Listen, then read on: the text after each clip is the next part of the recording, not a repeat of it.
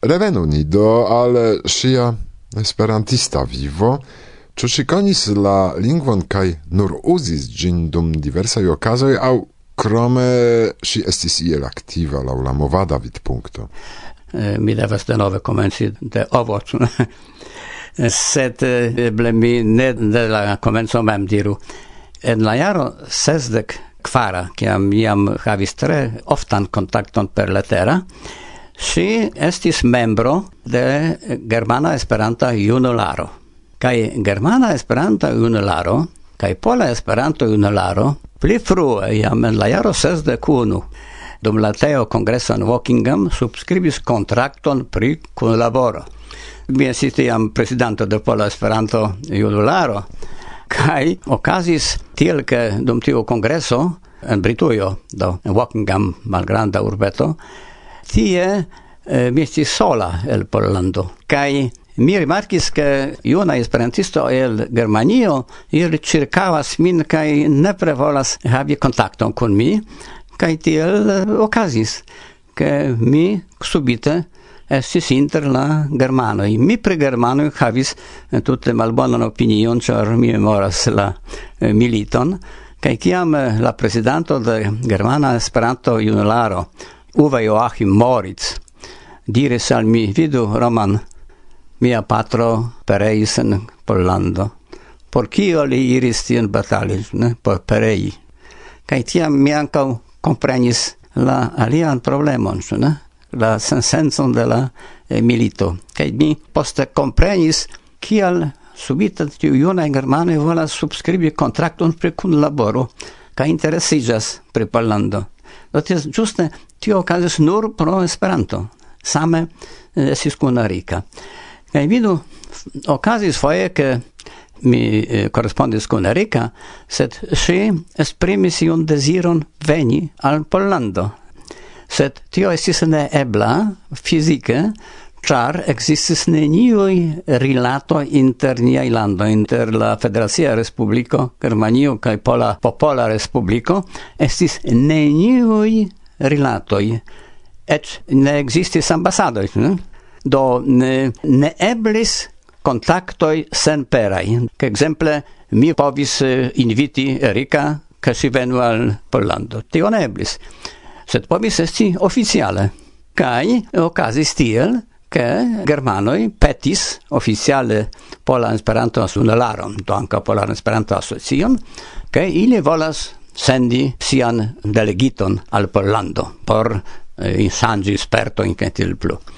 Tiam, en la jaro 1965, mi ne plu estis presidanto de PEI, sed mia frato Marian estis presidanto de PEI. Do li devis unue klopodi ce la Pola Esperanta Asocio la permeson, sed Pola Esperanta Asocio devis anca je pri alte anca upeti la permeson, sed finfine estis consento ke si povas veni. Kaj si venis. Ni memoras exacta la daton, estis la dec kvara de aprilo 1965. Tio estis eh, la granda vendredo antau la pasco. Mi attendis sin en la caio de la Varsava Govna, de la cefa stazio de Varsovio, non ci tutene existas, ne? Kai Mi stari sur la caio kai rigardis, eh, ĉar multaj homoj fornasis la trainon kiu venis de Occidento, fakte de Parizo, se tra Berlino. ci dire al mi, che si estas en la rugia mantelo. kai mi rimarkis tion rugian mantelon, kai mi kuris, kai ni captis on on la alian, kai circa brakis kai kisis. kai tio estas la una momento, ne? Poste mi comprenis sin per taxio mi veturigis sin al hotelo dom Huopa, kaj kiam mi sidis en eh, la taxio la vidu di sesio intimai afero, no, ni captis niai manoin tre forte, memoras. Kai tiam comencigis? Yes, kai tiam ni ne, ne multa parolis, kai Fakte mi gvidis sin al tiu ĉi hotelo kaj la sekvan tagon estis eh, la resurrecta granda meso. Mi cantis en la preĝeja coruso eh, de franciscano en la strato franciscanska mi estis eh, kiel juna homo, tre interesa por knavinoj, ĉar mi havis propran skoteron, motorbiciklon. do tio estas tiel kvazaŭ nun oni havu iun automobilon mm, multe kostan. Kai mi venis al la hotelo, si sidigis malantaŭ mi, mi veturigis sin al la preĝejo, iris supren sur la korusejo, Kai la messo comencigis, mi devis stari en mia vico de tenoroi, kai si flanke sidis en iu secio. La tuta coruso estis iunae homoi, tre, tre si studentoi de musica e lerne mi esi sola ne studento de musico. Kai en ciui stel rigardis, che sidas iu knabino. Kai kiam finigis la messo ciui levigis, kai oni cercawis tiun blondulino en la ruza mantelo. Sed, compreneble, oni ne povis intercomprenici, tiam en Polando angla lingua tutte ne existis. Sed alvenis la chorus estro, organisto, cetere organisto, sisolisto de la Varsovia Filharmonio, kai li alparolis sin en la germana lingua. Do ili interchanges iun vortoin, kaj si demas, oh, kie vi lernis la germana lingvon? Si sciis jam, ke en Pollando germana lingvo estas lingvo de la malamikoj, ne? Kai respondis, no, mi estis kvin jaro en Auschwitz-Birkenau. Kai tiam si stuporis, char po tio estis no, granda casa frapo, ĉu ne? Si jam sciis, kio okazis uh, Auschwitz kaj Birkenau kai li ridetis circau, prenis sin kai kisis sin. kai imagu, che posta ofter memoris, che tio estis uno el grava i momento in sia vivo. kai kio casis poste, che si sencese vivis de finiaroin en eh, Pollando, kai neniam si sentis sin germanino, kion oni malsatis. Oni ne traktis sin germanino, si estis cie rica, gioia, gaia, knabino, tre agrabla, ciam preta helpi al ciui. Cetere tre sata persona, si multe legis, si intelligenta, si estis du semainoin. Eh, do eh, si havis multa in contatto in coi giornalisto interessigis pri si, si oni intervjuis inter tio sis absolute rara caso che germanino iuna venis estas gasto ce esperantistoj compreneble plej multe preskaŭ ĉiutage si devis paroli in la pola radio char la esperanta redaccio de pola radio iam funkciis de longe. Kai si muia in familiano in cui ne parolis Esperanto. Do si cie vidis grandan simpation relate al si. Do uno e la plei fresha espertoi de sia malcovro de Polando, mi diru, estis agrabla. Oh, Do jes, eh, mi devas si tie rimarki eh, ankaŭ alian aferon, char Varsovio en la jaro sesdek fin, jam staris kulturpalaco in centre, sed eh, la urbo esis ancora ne reconstruita esis amaso da rubaĵoj, ruinoi cetere mia familio eh, ni estis kvar filoj, patroi kai daure ĉe ni loĝis multaj homoi Do esis tiel eh, mal facile condicioi en nia logeo unu chambro kai uno tute sen fenestra kuireo kai fino. Et ne existis sanitarei aranĝoj en la logeo in devis necessario er, in devis eliri extere. Do tio estis condicioi por ni facto normalai certia estis tiam Varsovio sed por si tio povus esti soco ne? Do si sciis kia estas la situatio. La lasta tago estis la unua de maio ĉar tio estis granda festo kaj oni marŝis eh, tra la strato Marŝalkovska amase. Mi tiam laboris en la studenta semajnrevuo ITD, ŝi venis kaj ni kune kiel ĵurnalistoj de ITD eh, ni marŝis. Sed vidu non oni tion prezentas kiel politikaj aranĝoj. No jes ili estis politikaj aranĝoj fakte. Sed Tio estis uh, simple maja gaja pikniko, ne povas diri. La mia opinione ne devigis che vi iru kai manifestu, ne? Cetere existis neniu aliai distroi, do tio esis simple maja bela aranĝo kiu oni partoprenis kaj esis eh, multe da entuziasmo, entuziasmo por rekonstruo. Mi memoras poste kiel rakontis al mi ankaŭ Ludovico Zaleski Zamenhof, kiam li estis juna, do li mem kelkfoje substrekis, ke kiam li, kiom pliaza dek du jarojn pliaĝa ol mi, vidis entuziasmon de la popolo por la rekonstruo de la urbo, ĉu ne? Do li sentis sin ankaŭ fiera, ke li ankaŭ povas helpi kiel inĝeniero. Kiam denove vi renkontiĝis? Eh, do la saman jaron Germana Esperanta Junularo invitis la delegiton de Pola Esperanto Junularo. Kaj tiu delegito estis mi electita. Kai mi clopodis pri pasporto, Kai oni permesis al mi, char venis invito che Germana Esperanto eh, Junularo pagas cion por mi. Kai non mi anca povas diri tion kiel ion generala afero, che ne estas vero che el Pollando oni ne raitis forveturi. Tio estis exemple en Godoro, Germana Demokratia Respubliko, en Ĉeĥio, en Rusio, cioè, estis eh? tute neimagebla ke oni povis veturi. Sed el Polando ne, sed eh, la tiama registaro eh, neniam lasis se la homo volis nur forveturi. Sed se li havis inviton, kai oni povis si che tiu homo ne venos kai ne almospetos, ne? sed estas iu kiu respondas pri ili, do oni pensis, pensis, sed ciam pasporton ricevis. Do mi anca ricevis pasporton, kai nur eh, dec dolaro mi povis sangi oficiale, kai fino. Kai mi forveturis per, per mia scotero. Hm? Ĉu laŭ la invito rekte vi veturis al Hamburgo? Do eh, mi faris rond vojaĝon tra tiu okcidenta Germanio, de klubo Esperanta la lia, no? Mi tiam vizitis eble dudek Esperanto-kluboj, preskaŭ tutan monaton mi vojaĝis, kaj ĉie mi prelegis pri Esperanto en Pollando. Ĉar Esperanto tiam estis io grava en Pollando. Hm?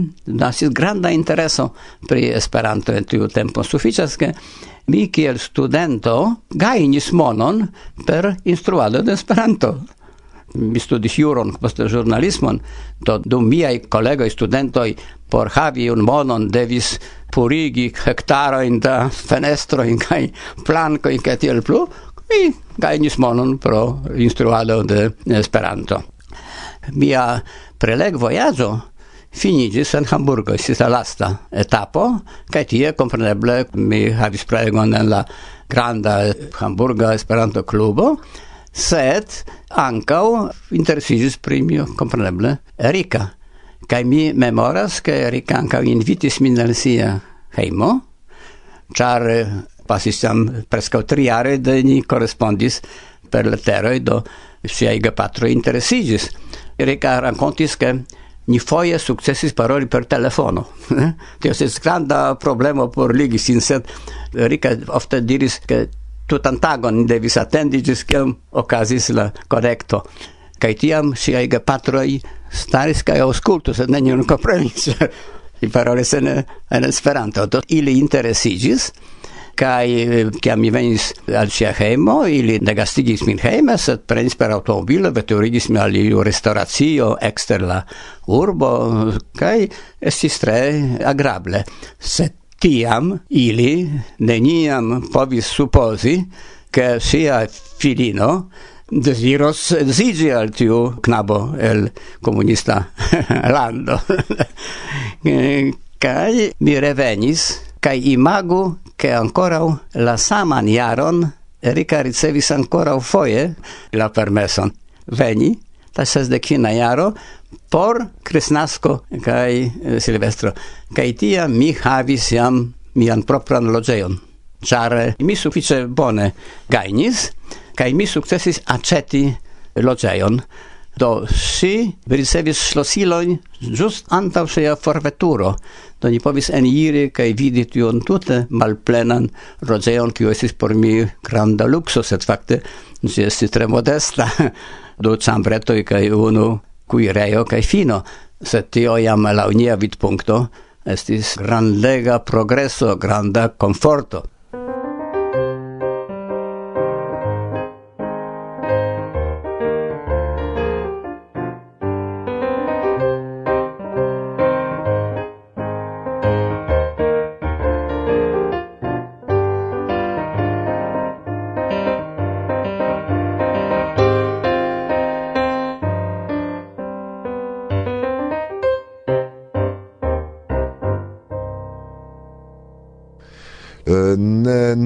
Ni scias ke edzigio ne estas facila interparo dividita per de la fera curteno, kia maniere do vi successis circau iri au rompi la malfavoran al desirantai oficiale esti cune gamantoi?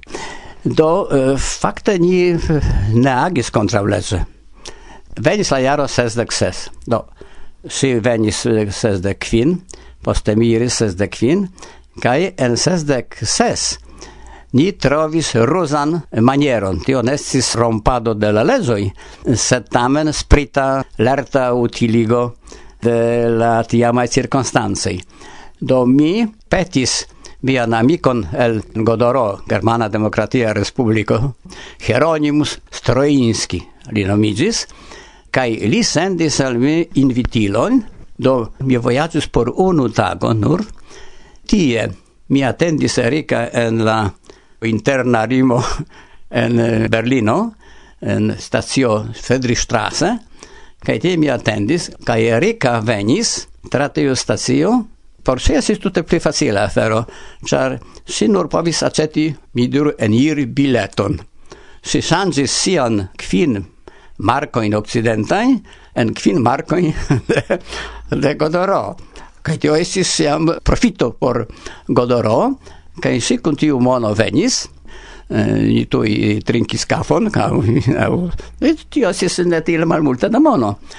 kai post kelkaj horoj ni ne havis ni hotelon, sed ni promenis, kai poste denove mi gvidis sin al Friedrichstrasse, Si trapasis tien, tri foje ni faris tion en sesdek sesa jaro. Kiel vi sukcesis, do mi demandas? Juste do um, exter politicae problemoi aperis aliai che fin fine Erika venis al siei gepatroi post uh, nia dua o tria visito in orienta Berlino che si eh, annoncis al ili che si desiras uh, zinigi al Roma Erika diris al mi kiam ni parolis cune, si diris Roman kaj kiam mi estis kun la gepatroj do mi estis Roma ne? do si diris eh, ke si volas zinigi al mi kaj tiam ekestis granda problemo do oni persvadis al ŝi ke tio estas absolute mar malpermesas non si obstinis Do finfine oni convocis la familian asambleon, mi diru, ne?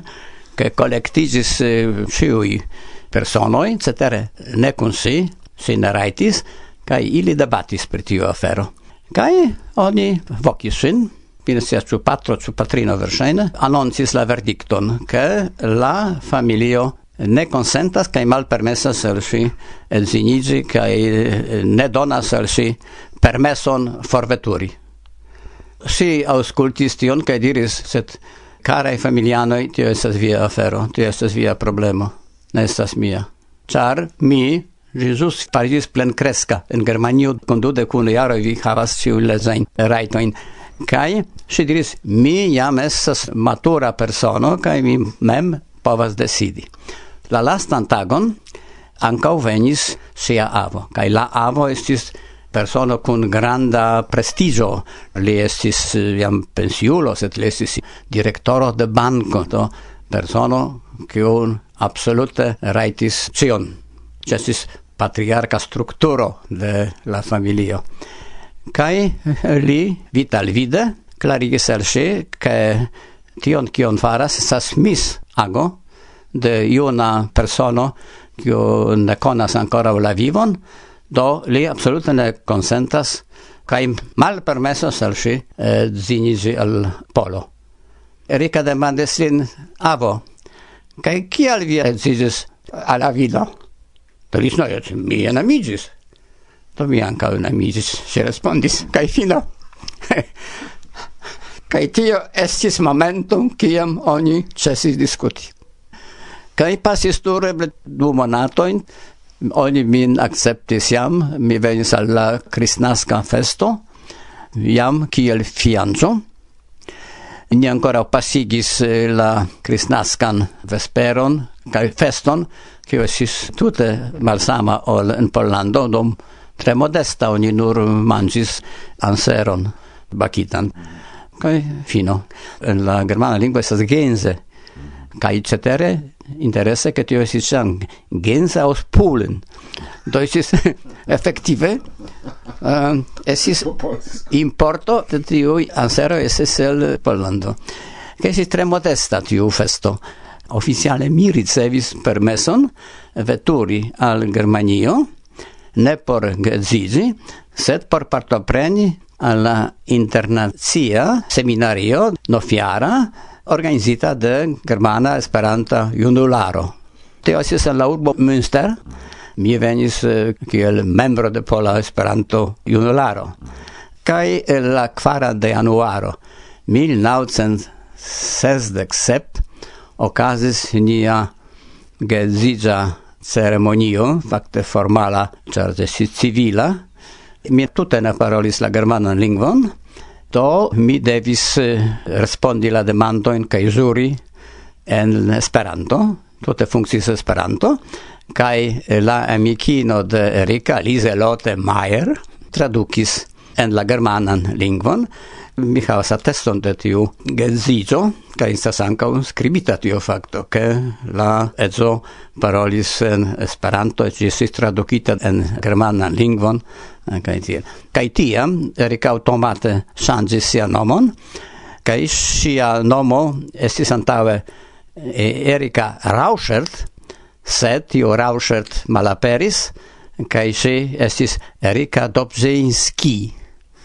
en Pollando grammatico postulas che la finaso ne estu i Dobzinski sed Dobzinska a eh, sed si tiel restis en oficiale documentoi Erika Ciam estis cancau nun en la attesto pri sia forpasso anca vestis Erika Dobzinski hm? mm?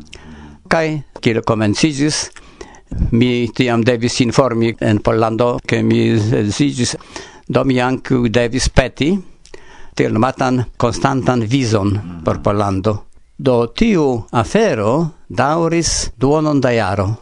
Gis ciam, fin fine, eh, respectiva instanzoi consentis, cae si ricevis eh, la carton de la constanta estado, do si ricevis ciuin raitoin de la pola civitano, compreneble sen la eh, uh, raito de vocdonado, cae til plu.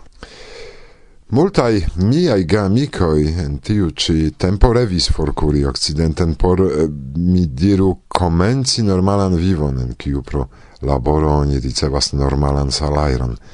Ca iom da ili forveturis facte, char citie tie, mm, malgraŭ posedo de la laboro, pro salairo foie ne eblis travivigis fino de la monato, vi scias ten bone. Plei proxime compreneble sis la occidenta Germanio, Cial do vi ne usis tiun eblon? Ja, kiel ne rigardi, vi havis perfectan, genian situacion pro la edzino el la occidenta mondo, ciu? No, se temas per tio differenzoi, Mi memoras, che mi verkis la libron La Zamenhof strato con Ludovico Zaleski Zamenhof. Do, kiam li successis forveturi al Francio officiale, ca iam ricevis officialan laboron, ca devis subscribi contracton. Oni demandis lin, kiom li volas gaini. Li miris, char in Polando tiai demandoi ne estis, do subite tre rapide comenzas pensi, cae mult obligis sian salairon in Pollando decoble. cae mm, diris tien altan altan dec oble pli postulis olen Pollando li ricevus. Kai tiu persono miris, ne, signoro, tio ne estas eble. do li volis malartigi. kai dis ne, signoro, tiel malaltaj salajro ce ni ne existas. do, do, kun mi esis alia fero ke unue oni devis decidi kie ni loĝos do miam pli frue et che mi jesis in argenta Berlino kai parolis pri tio mi diris estas sensense che mi veturu al Germanio char mi estas eh, giornalisto kai la ilo de mia laboro estas pola lingvo. Tiu pola lingvo en Germanio taugas por nenio ne?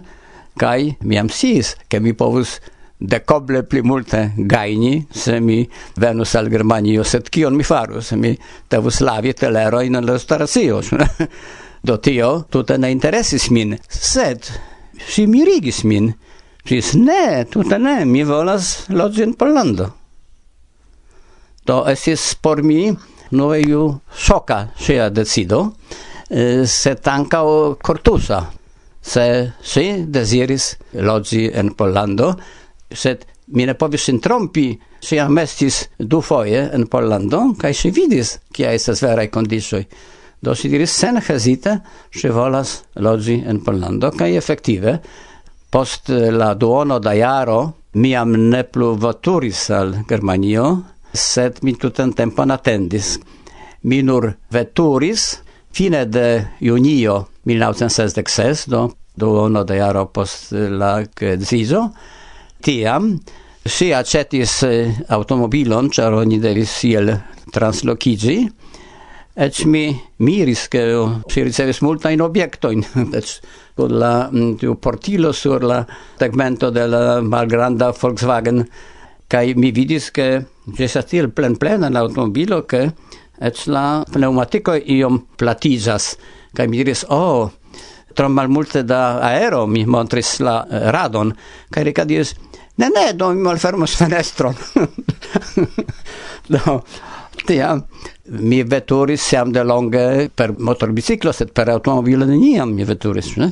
Kaj des pli tra auto soseoj grandaj des tute alia maniero de sofarado mi riskis sed tamen ni venis kaj Erika rememoris que, que em seria un blaça. Dormi si esis graveda en la sesa monato, e si vecigis matene, char vecis sin iui crioi exter mi logis en la nava etato. Cai tio esis la unuae vortoi, cioni si lernis en la pola lingvo, jagody, jagody, jagody. Ĉar tio estis este fino de junio, kiam virinoi venis el vilaĝo kai portis eh, peroin, arbarein. E eh, Do tio estis sia unua vorto. kai krome ŝi eliris balkonon, kai mi un longa tempo ne usis la loĝejon caro, kai si vidis neston con colomboi. Do si captis tion colombeton, kai mi fotis sin. kai tiu foto eh, nun havas, ĉar miaj gefiloj pensas, eh, ke ni devas eh, porti sin al la tombo. Felix, mia filo, portas la urnon, kai Eva deziras porti la bildon de patrino, kai non esas desido ke juste ili volas tion unuan portreton kun la kun la colombetto ĉu ne povas eble ni uzas, no. Nu, jes, la vivo. Pos du tagoi, la okan de maio okazos, sed kiam vi auscultas nin fakte jam okazis la funebra ceremonio in Varsovio pro kronvirusaj inimigoi nur en eta familia rondo. Akceptu do, kara Roman de mi, kaj Mi credas che ancora, anche flanche de multai niai auscultantoi venos tiu desiro sincerain condolenzain. Cai, char desiris che, malgrau cio, ne perdu ni tagoin pro tristo, estu ni gaiai, humurai, el coro mi salutas vin, cara amicino, kie ein nun vi estas? Dankon, Roman, pro tiu ĉi bela rememoro. Dankon.